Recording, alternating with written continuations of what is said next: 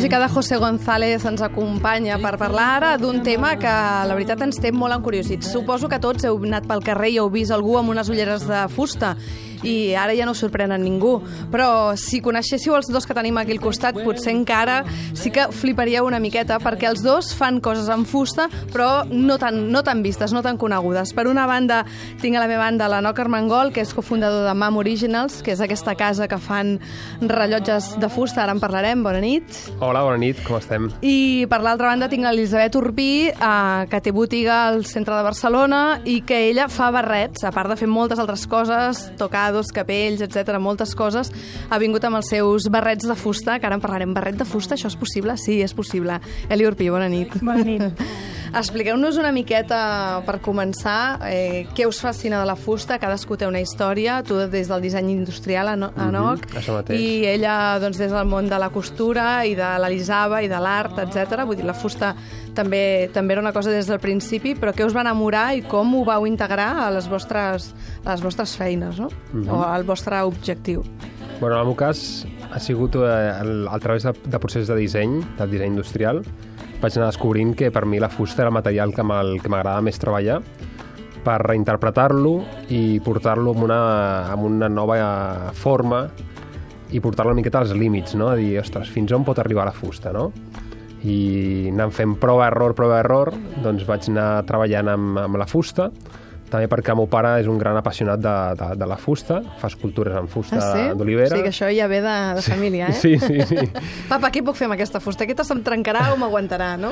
Això mateix, això mateix. Uh -huh. Després vas descobrint que a prop dels nusos doncs, la fusta és més, més, més, més rígida i bueno, tenim el bambú, que és, un, és una fusta molt flexible i molt resistent, que a Àsia ja ho saben des de fa centenars d'anys, o milers, diria.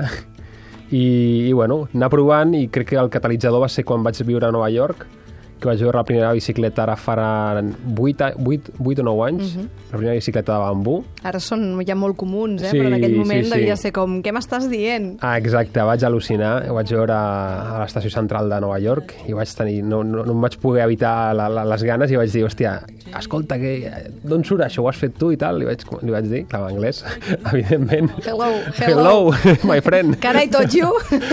Your bicycle, eh? I em vaig quedar tan al·lucinat que vaig dir, hòstia, eh, haig de seguir per aquí, no? I així va començar la teva, la teva introducció a la fusta. Tu, veig, pel que veig, anaves molt més ben armat, eh?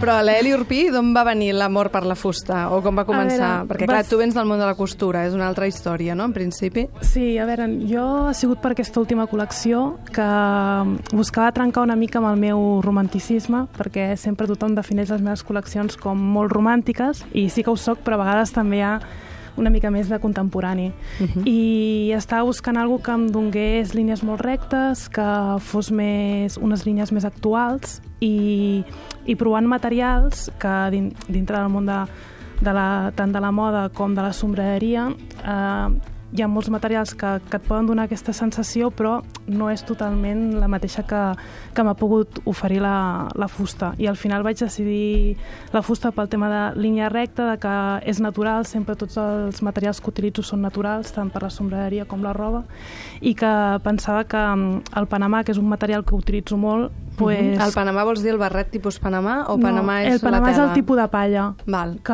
és, un, Uh -huh. és un tipus de palla que... Ja se li ha dit així, el barret. El barret se li- Panamà sí. se li ha dit així per, per, material, pel no? material. Uh -huh. I sempre, bueno, en aquell moment vaig pensar que, que quedava molt bé la combinació de fusta Mhm. i Panamà i després també els he fet amb llana i, i fusta i, i sempre també amb el toc floral. Per cert, que ara us penjarem una foto tant dels rellotges com, de la, com dels barrets que porta la Eli. Eh, vistos així, eh, sembla un barret de picador de, de torero. A mi el món, el món estètic del, del toreig em sap greu. Soc molt políticament incorrecta, però a mi m'hi flipa. M'encanten els vestits de luces i totes aquestes coses. I trobo que té el punt aquest mirat des de lluny, eh? sembla des de dalt, un barret de picador, amb aquesta cosa així recta, Té no? un punt de canotier, Sí. de... Mhm. Sí, Menys mal que ho has arreglat tu. direm canotier que queda més fi, més. D'acord, d'acord. Jo dic eh, picador, picador torero. Um, a veure, el que, clar, d'entrada, abans ho dèiem al principi, no? Les ulleres o, o, o coses que hem començat a veure l'ús de, del, de la fusta en, per fer aquests objectes, d'entrada el- primer que ens preocupava a tots quan vam veure les primeres ulleres, això deu pesar molt, no?, per exemple, o això deu ser superincòmodo, deu llegar, o deu, vull dir, els que portem ulleres és el primer que ens van preguntar, no?, això, això, no, deu, no, això no deu anar bé, no? I, I clar, el pes, no?, tant pels rellotges com per, pel barret. El barret pesa molt poc. És molt poc, és això. molt lleuger. Sí, sí, vull dir, és com si fos una fullola, no?, sí, pràcticament. És, és molt lleuger, és com si fos tot de Panamà o tot de llana, o sigui, el pes Mhm. no, no, no incorpora més pes perquè porti fusta. I, I quina després- fusta és? Per exemple, hi ha fustes que són més lleugeres que d'altres, suposo, veure- no? Hi ha una tria, també, no? Ah, això mateix, sí, sí. Sí, a veure, jo, depenent, o sigui, jo utilitzo més una fusta més per l'estètica que m'agradi per les aigües, Uh -huh. uh, però tam també el pi, que després el puc pintar de qualsevol color, de qualsevol tonalitat, i sí que totes les, les tintem amb, amb tints naturals, per donar-li diferents colors.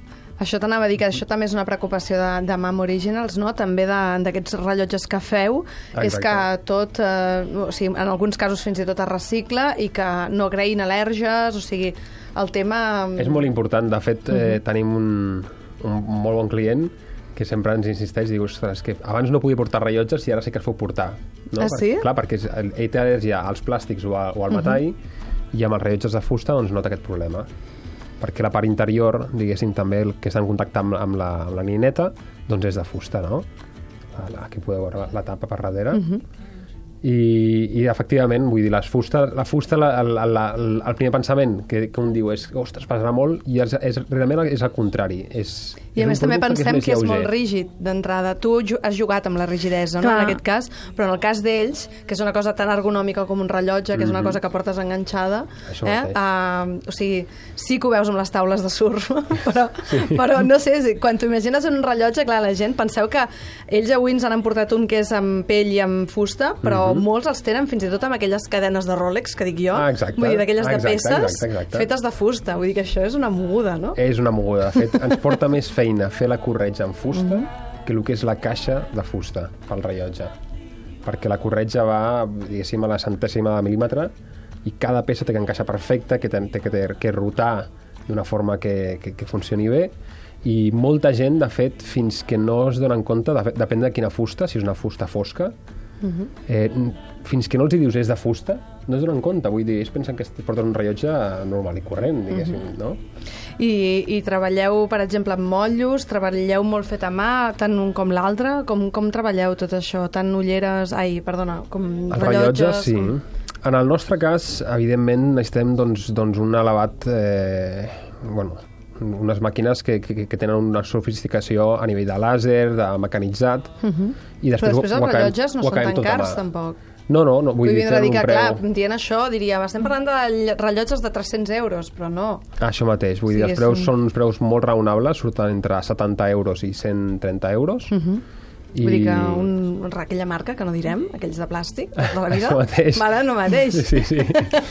no em mireu amb aquesta cara. Nosaltres el procés també és tallat a làser Uh -huh. i després sí que els llimem artesanalment perquè quedi totalment uh, fi, que no pugui fer mal ni, ni Uh -huh. res.